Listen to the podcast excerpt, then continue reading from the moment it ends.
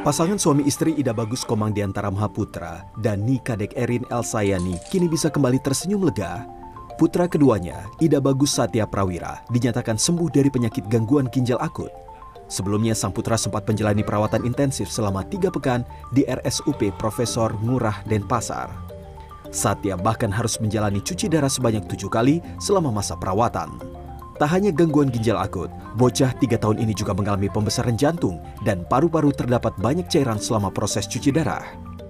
Hancur, takut, terus e, trauma juga ada rasa trauma sampai sekarang. Awalnya jalannya agak e, lunglai gitu, agak kurang kurang kencang gitu. Sekarang sudah mulai sudah bisa agak lari sih.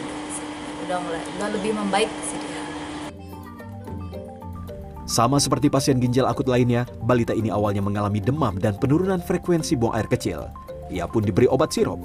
Tapi bukan obat sirup yang dicurigai mengandung etilen glikol dan dietilen glikol.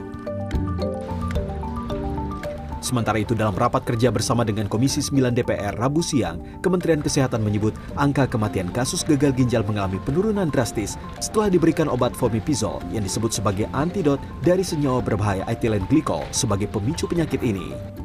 Kepala Biro Komunikasi Publik dan Pelayanan Publik Kementerian Kesehatan, Siti Nadia Tarmizi menegaskan, sejak obat fomipizol diberikan kepada pasien, angka kematian terkait gangguan ginjal akut menurun drastis dan angka kesembuhan pasien mencapai 95 persen.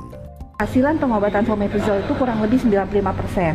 Jadi uh, pada kasus-kasus tadi juga disampaikan oleh uh, Ketua IDAI ya bahwa saat ini kasus-kasus yang masuk kriteria gangguan ginjal akut uh, atipikal progresif itu itu langsung diberikan uh, pengobatan fomepizol karena uh, memberikan harapan kan tadi Meski obat fomipizol ini tak diproduksi di Indonesia, Kementerian Kesehatan telah mendapatkan stok obat tersebut dari berbagai negara seperti Singapura, Kanada, Jepang, hingga Australia.